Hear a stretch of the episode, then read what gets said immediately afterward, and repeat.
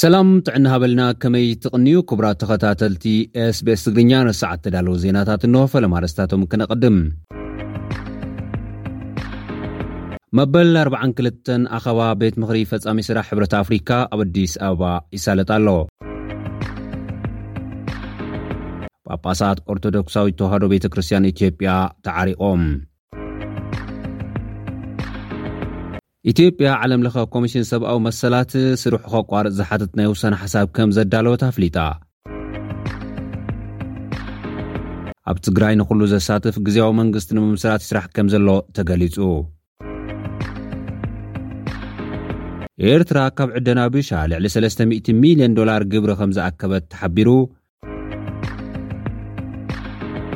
ወለዲ ካብ ትግራይ ናብ ኤርትራ ናይ ዝተጨወዩ ሰባት ደሃይ ደቆም ክሓቱ ከም ዝጀመሩ ተገሊጹ ዝብሉ ነሰዓት ተዳለዉ እዮም ናብ ዝርዝራቶም ክንቅጽል መበል ኣርባዓን ክልተን ኣኸባ ቤት ምኽሪ ፈጻሚ ስራሕ ሕብረት ኣፍሪካ ብኣዲስ ኣበባ ይሳለጥ ኣሎ ኣፍሪካ ኣብ ጥዕናን ምግብን ዘለዋ ፀገማት ብዘላቕነት ንምፍታሕ ዘኽእሉ ተግባራት ተሳልጥ ኣላ ክብል ኣቦ ወንበር ኮሚሽን ሕብረት ኣፍሪካ ሙሳ ፋቂ ማሃማት ገሊፁ ኣሎ። ኣፍሪካ ጥዕናን ስነ ምግብን ቁልፊ ተግባራት ሕብረት ገይራ እናሰርሐት ከምዝኾነት እውን ሓቢሩ። ሃገራት ኣብ ሓለዋ ጥዕና ብምግቢ ባዕልኻ ናይ ምኽኣል ኣብ ዝግበር ፃዕርን ብሓባር ክሰርሓው ከምዝግባእ እውን ኣገንዚቡ። ብመዳይ ኢኮኖሚ ንግዲ ኣፍሪካ ንምክያድ ድማ ትግበራ ናፃ ኣህጉራዊ ንግዲ ቀጠና ኣፍሪካ ንምቅልጣፍ እናተሰርሐ ከምዝርከብ ገሊፁ። ኣብ ኣፍሪካ ኢንቨስትመንት ንምስፍሕፋሕ ዘለዋ ሃፍቲ ፀንቂቓ ንምጥቃም፣ ዲጂታላይዜሽን ንምቅልጣፍ፣ ስግግር ፍልጠት ንምፍጣር ብዕቱብ ክስራሕ እዩ እውን ኢሉ ኣሎ። ኣብ መዳይ ኣህጉራዊ ሰላምን ድሕነትን ድማ መኣዝን ኣፍሪካዊ ፀገማት ብኣፍሪካዊ መፍትሒ ኣብ ኢትዮጵያ ሓዊሱ ኣብ ብዙሓት ሃገራት ኣፍሪካ ብመሪሕነት ሕብረት ሰላም ናይ ምርግጋፅ ስራሕቲ እናተሰርሐ ከምዝኾነ ገሊፁ። ሕብረት ኣፍሪካ ዝገብሮም ፃዕርታት ንክዕወቱ ኣባላት ሃገራትን መሓዙት ኣካላትን ሓገዞም ከበርትዑ እውን ፀዊዑ። ተለዋዋጢ ኣብ ዝኾነ ዓለም ለኻዊ ፖለቲካ፣ ኣፍሪካ ኣብ ምክብባርን ሓበራዊ ተረባሕነትን ዝተመርኮሰ በዓል ብዙሕ ወገን ምትሕብባራት ከምእተሕይል እውን ገሊፁ ኣሎ። መበል ኣርብዓን ክልተን ኣኸባ ቤት ምኽሪ ፈፃሚ ስራሕ ሕብረት ኣፍሪካ ካብ ዝጅምር ሎማዕንቲ ካልኣይ መዓልቱ ገይሩ ኣሎ። እቲ ኣኸባ ቤት ምኽሪ ሚኒስትራት ጉዳያት ወፃእን ወከልቲ ኣባል ሃገራት እቲ ሕብረትን ዝሳተፍሉ እዩ። እቲ ቤት ምኽሪ ተግባራት ኣህጉራዊ ንግዲ ቀጠና ኣፍሪካ ምቅልጣፍ መሪሕ ሓሳብ ጉባኤ ሕብረት ኣፍሪካ ክልተ ሽሕን ዕስራን ሰለስተን ኮይኑ ንክስየም ኣብ ዝቐረበ መበገሲ ሓሳብ ከምዝዛተ እውን ተገሊፁ እዩ። እቲ ቤት ምኽሪ ኣብ ዘትኡ ዘፅድቖም ዛዕባታት ኣብ መበል ሰላሳን ሽዱሽተን ጉባኤ መራሕቲ ሕብረት ኣፍሪካ ክቐርብ ትፅቢት ተገይሩ ኣሎ። ጉባኤ መራሕቲ እቲ ሕብረት ዝመፅእ ቀዳመ ሰንበት ኣብ ኣዲስ ኣበባ ከምዝጅመር እውን ተገሊፁ ኣሎ።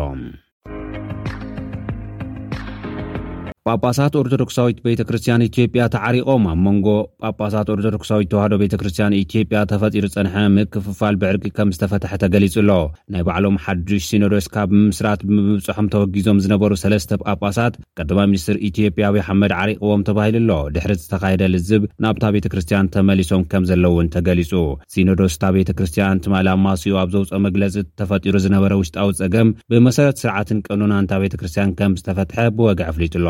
ቅድስት ቤተ ክርስቲያን ሰለስቲኦም ኣቦታት ብምምላሶም ንእግዚኣብሔር ተመስግን ክብሉ ኣካያዲ ቤተ ክህነት ኣቡነ ኣብርሃም ኣብ ዝሃብዎ መብርሂ ገሊጾም።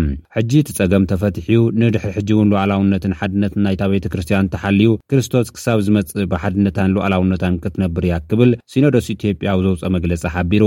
ቅድሚ ሒደት ሰሙናት ሰለስተ ጳጳሳት ካብ ሲኖዶስ ኢትዮጵያ ብምውጻእ ልዕሊ ዕስራ ጳጳሳት ድሕሪ ምሻሞም እቶም ጳጳሳት ህዝቢ ኦሮሞን ብሄረ ብሄረሰባትን ብቋንቋኦም ክግልገሉ ኣይከኣሉን ዝብል ቅሬታ ከስምዑ ተራእዮም እዮም። ነቶም ኤጲቆጶሳትን ጳጳሳትን ዝተቓወመ ሲኖዶስ ብወገኑ ኣብቲ ምምቓል ኢድ መንግስቲ ኣሎ ክብል ከሲሱ ነይሩ። ብሰንኪ እዚ እቲ ኩነታት ኣብታ ሃገር ዓብይ ፀጥታዊ ስግኣት ኣሕዲሩ ከምፀንሐ ዝፍለጥ እዩ። ሕጂ ሲኖዶስ ኢትዮጵያ ህዝቢ ኦሮሞን ብሄር ብሄረሰባትን ብቋንቆኦም ሃይማኖቶም ክስበኹን ትምህርቲ ሃይማኖት ክመሃሩን ድሕሪ ምስምምዑ እቲ ፀገም ከምዝተፈትሐ ተገሊፁ ኣሎ። ኢትዮጵያ ዓለምለኻዊ ኮሚሽን ሰብኣዊ መሰላት ስርሑ ከቋርፅ ዝሓትት ናይ ውሳነ ሓሳብ ከምዘዳለወት ኣፍሊጣ። ኢትዮጵያ ኣብ ኲናት ትግራይ ዝተፈፀመ መጋህስቲ ሰብኣዊ መሰላት ክምርምር ዝተጣየሸ ዓለምለኻዊ ኮሚሽን ሶመያ ስርሑ ከቋርፅ ዝሓትት ናይ ውሳነ ሓሳብ ከም ዘዳለወት ኣፍሊጣ ኣላ። ነቲ ውሳነ ሓሳብ ምድላዉ ዝገለጸ ምክትል ቀዳማይ ሚኒስትር ኢትዮጵያ ዝኾነ ደመቀ መኮንን ኣብ ኣዲስ ኣበባ ኣብ ዝተጀመረ ኣኸባ ሚኒስትራት ጉዳይ ወጻኢ ሕብረት ኣፍሪካ እዩ። እቲ ውሳነ ሓሳብ ኣብ ቀረባ ኣብ ዝካየድ ናይ ሕቡራት ሃገራት ኣኸባ ቤት ምኽሪ ሰብኣዊ መሰላት ከም ዝቐርብ እውን ኣቶ ደመቀ ገሊጹ ኣሎ። ኣብ ትግራይ ኣብ ዝተኻየደ ኲናት ኣብቲ ውግእ ብዝተሳተፉ ኩሎም ወገናት ከበድቲ መግሃስቲ ሰብኣዊ መሰላት ከም ዝተፈጸመ ቤት ምኽሪ ሰብኣዊ መሰላት ውድብ ሕቡራት ሃገራት ቅድሚ ሕዚ ምግላጹ ዝዝከር እዩ። ኣብ ትግራይ ንኹሉ ዘሳትፍ ግዝያዊ መንግስቲ ንምምስራት ይስራሕ ከምዘሎ ተገሊጹ። ኮሚሽን ምጥያሽ ግዝያዊ መንግስቲ ትግራይ ትማሊ ረቡዕ ኣብ ዝሃቦ መግለጺ ኣብ ቀረባ እዋን ግዝያዊ መንግስቲ ዕላዊ ከምዝገብር ኣመልኪቱ ኣሎ። እቲ ኮሚቴ ኣዛዚ ሓይልታት ትግራይ ዝኾነ ጀነራል ታደሰ ወረደን መምህር ሙሉወርቅ ኪዳነማርያም ዝርከቦም ትሽዓተ ኣባላት ዝሓዘ ኮይኑ ሰለስተ ካብ ኣባላት ሰራዊት ሰለስተ ካብ ኣባላት ህወሓት ከምኡ'ውን ሰለስተ ካብ ምሁራን ሲቪክ ማሕበረሰብ ከም ዝሓወሰ'ዩ ተገሊፁ። ብዛዕባ'ቲ ዝጣየሽ መንግስቲ ተመልኪቱ ኣብ ሰሙን ኣብ ውሽጢ ዓድን ኣብ ወፃእን ዝነብሩ ተወለድቲ ትግራይ ምይይጥ ከም ዝገብር ዘፍለጠ እቲ ኮሚቴ ዝተፈላለዩ ኣካላትን ሰልፍታትን ብኸመይ ክሳተፉ ከም ዝኽእሉ ካልኦት ነጥብታት ዝምልከቱ ብዝርዝር ዝርርብ ዝግበረሎም ምዃኖም ገሊፁ'ሎ። ብተወሳኺ ኣብ ዙርያ ምጥያሽ ግዝያዊ መንግስቲ ትግራይ ምስ መንግስቲ ፌዴራል ኣብ ፅቡቕ ምርድዳእ ከምዝተበፅሐ ሓቢሩ። እቶም ኣባላት ኮሚቴ እቲ ዕላዊ ክኸውን ግዝያዊ መንግስቲ ተባሂሉ ዝጣየሽ መንግስቲ ንህዝቢ ትግራይ ከምዝረብሕ ገይሮም ክሰርሑ ዝግበኦም ምዃኑ ኣብ ምርድዳእ ከምዝተበፅሐ መምህር ሙሉወርቅ ኪዳነማርያም ገሊፁ። እቲ ኮሚቴ ንኹሉ ዘሳትፍ፣ ግልፅን ዴሞክራሲያውን ብዝኾነ ኣግባብ ግዝያዊ መንግስቲ ንምጥያሽ ይስራሕ ከምዘሎ ዝሓበረ ጀነራል ታደሰ ወረደ ሚእቲ ሚእታዊ ዘይክኸውን ይኽእል ዩ ግን መብዛሕቲኡ ትግራዋይ ዝድገፎ ክኸውን ክንፅዕር ኢና ኢሉ። ብተወሳኺ እቲ ኣብ ቀረባ እዋን ዕላዊ ክኸውን ትፅቢት ዝግበረሉ ግዝያዊ መንግስቲ ብኻሊእ መገዲ ዝፅሎ ከምዘይኸውን ኣመልኪቱ ኣሎ።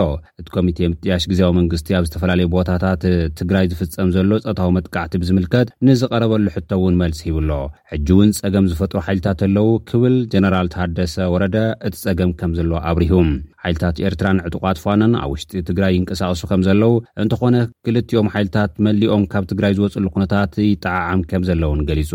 መላእ ትግራይ ገና ነፃ ኣይወፀን ዘሎ ዝበለ እቲ ጀነራል እንተኾነ እቲ ስምምዕ ሰላም ዝዕንቀፈሉ መገዲ ከምዘየለ ተዛሪቡ። ኤርትራ ካብ ዕደና ቢሻ ልዕሊ 300 ሚልዮን ዶላር ግብሪ ከም ዝኣከበት ተሓቢሩ። መንግስቲ ኤርትራ ካብ መዐደኒ ቢሻ ብግብርን ካልእ ብጽሒታትን ኣስታት 300 ሚልዮን ዶላር ኣታዊ ምግባሩ ተገሊጹ ኣሎ። ንኣቦ ወንበር ናይቲ ኣብ ኤርትራ ናይ ዕደና ንጥፈታት ዘካይድ ዘሎ ቻይናዊ ትካል ዚጅን ጂንገ ሺን ጸሪሑ ነዚ ዝሓበረ ሬድዮ ሬና ንዝተፈላለዩ ናይ ዕደና ዕድላት ኣብ ኣፍሪካ የወዳድር ኣብ ዝነበረ እዋን እዚ ጉዳይ ከም ዝገለጸ ሓቢሩ ኣሎ። መንግስቲ ኤርትራ ካብ ግብርን ካልእ ብጽሒታትን ሰለስተ ሚእቲ ሚልዮን ዶላር ምርካቡ ከም ኣብነት ብምጥቃስ ኣብ ክልተ ሽሕን ዓሰርተ ትሽዓተን ስርሑ ዝጀመረ ትካል ዕደና ቢሻ ካብ ዝኾነ ፕሮጀክት ቢሻ ዚንክ ኮፐር ልዕሊ ሰላሳን ክልተን ሚልዮን ቶን ዚንክ ንዓመት ብምፍራይ ሓደ ካብ ዝዓብዩ መዐደኒታት ኣብ ኣፍሪካ ይኸውን ከምዘሎ ገሊጹ። እቲ ቻይናዊ ትካል ደቡብ ኣፍሪካ'ውን ካብኡ ተማሂራ ናይ ዕደና ዕድላታ ንትካላት ቻይና ክፉት ክትገብር ከም ዝተማሕጸነ እቲ ማዕኸን ዜና ጸብጺቡ'ሎ። ወለዲ ካብ ትግራይ ናብ ኤርትራ ናይ ዝተጨወዩ ሰባት ደሃይ ደቆም ክሓቱ ከም ዝጀመሩ ተገሊጹ። ካብ ትግራይ ብወተሃደራት መንግስቲ ኤርትራ ናይ ዝተጨወዩ ሰባት ዝኾኑ ኣባላት ስድራ ቤት ሃላዋት ደቆም ክእልሹ ከም ዝጀመሩ ማዕከናት ዜና ኢትዮጵያ ጸብጺበን።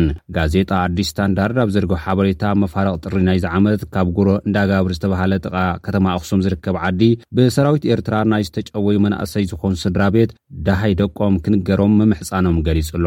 እቶም ወለዲ፣ ደቆም ዝተጨወዩ ናብቲ ሰራዊት ኤርትራ ኣብ ሽረ ዓስኪርሉ ዝነበረ ቦታ ብምኻድ ደሃይ ደቆም ከም ዝሓተቱን፣ እንተኾነ ሰራዊት ኤርትራ ካብቲ ቦታ ተንቀሳቒሱ ስለ ዝጸንሐ ደሃይ ዝህቦም ከም ዘይረኸቡ ኣዲስ ስታንዳርድ ኣብ ዝዘርግሖ ሓበሬታ ገሊጹ'ሎ። ኣመሓዳሪት ላዕላይ ማይጨው ወይዘሮ ኣበባ ተስፋይ ብወገነን ብሰራዊት ኤርትራ ከምዚ ዓይነት ተግባራት ብተደጋጋሚ ምፍጻሙ ብምዝኽኻር እቲ ጉዳይ ኣብ ልዕሊኦም ንዝርከቡ ሰብ መዚ ከም ዝሓበሩ ምግላጻ ሓቢሩ'ሎ። ደቅና ኣባላት ሰራዊት ትግራይ ኣይነብሩን ዝብሉ እቶም ወለዲ ዋላ'ኳ ጉዳዮም ንናይቲ ከባቢ ሓይልታት ጸጥታ እንተሓበሩ ብዘይካ ናብ ላዕለዋይ ኣካል ሕቶኹም ክሓልፍ'ዩ ካልእ ዕቱብ መልሲ ከም ዘይረኸቡ እዩ እቲ ጸብጻብ ኣመልኪቱ ዘሎ። ክቡራት ተኸታተልቲ SBS ትግርኛ ነዚ ሰዓት ተዳለወ ዜና እዚ ይመስል። ምሳና ጸኒሕኩም ስለ ዝተኸታተልኩም ኣዚና ነመስግን። ኣብ ካልእ ትሕዝቶ ክንራኸብ ኢና። ሰላም።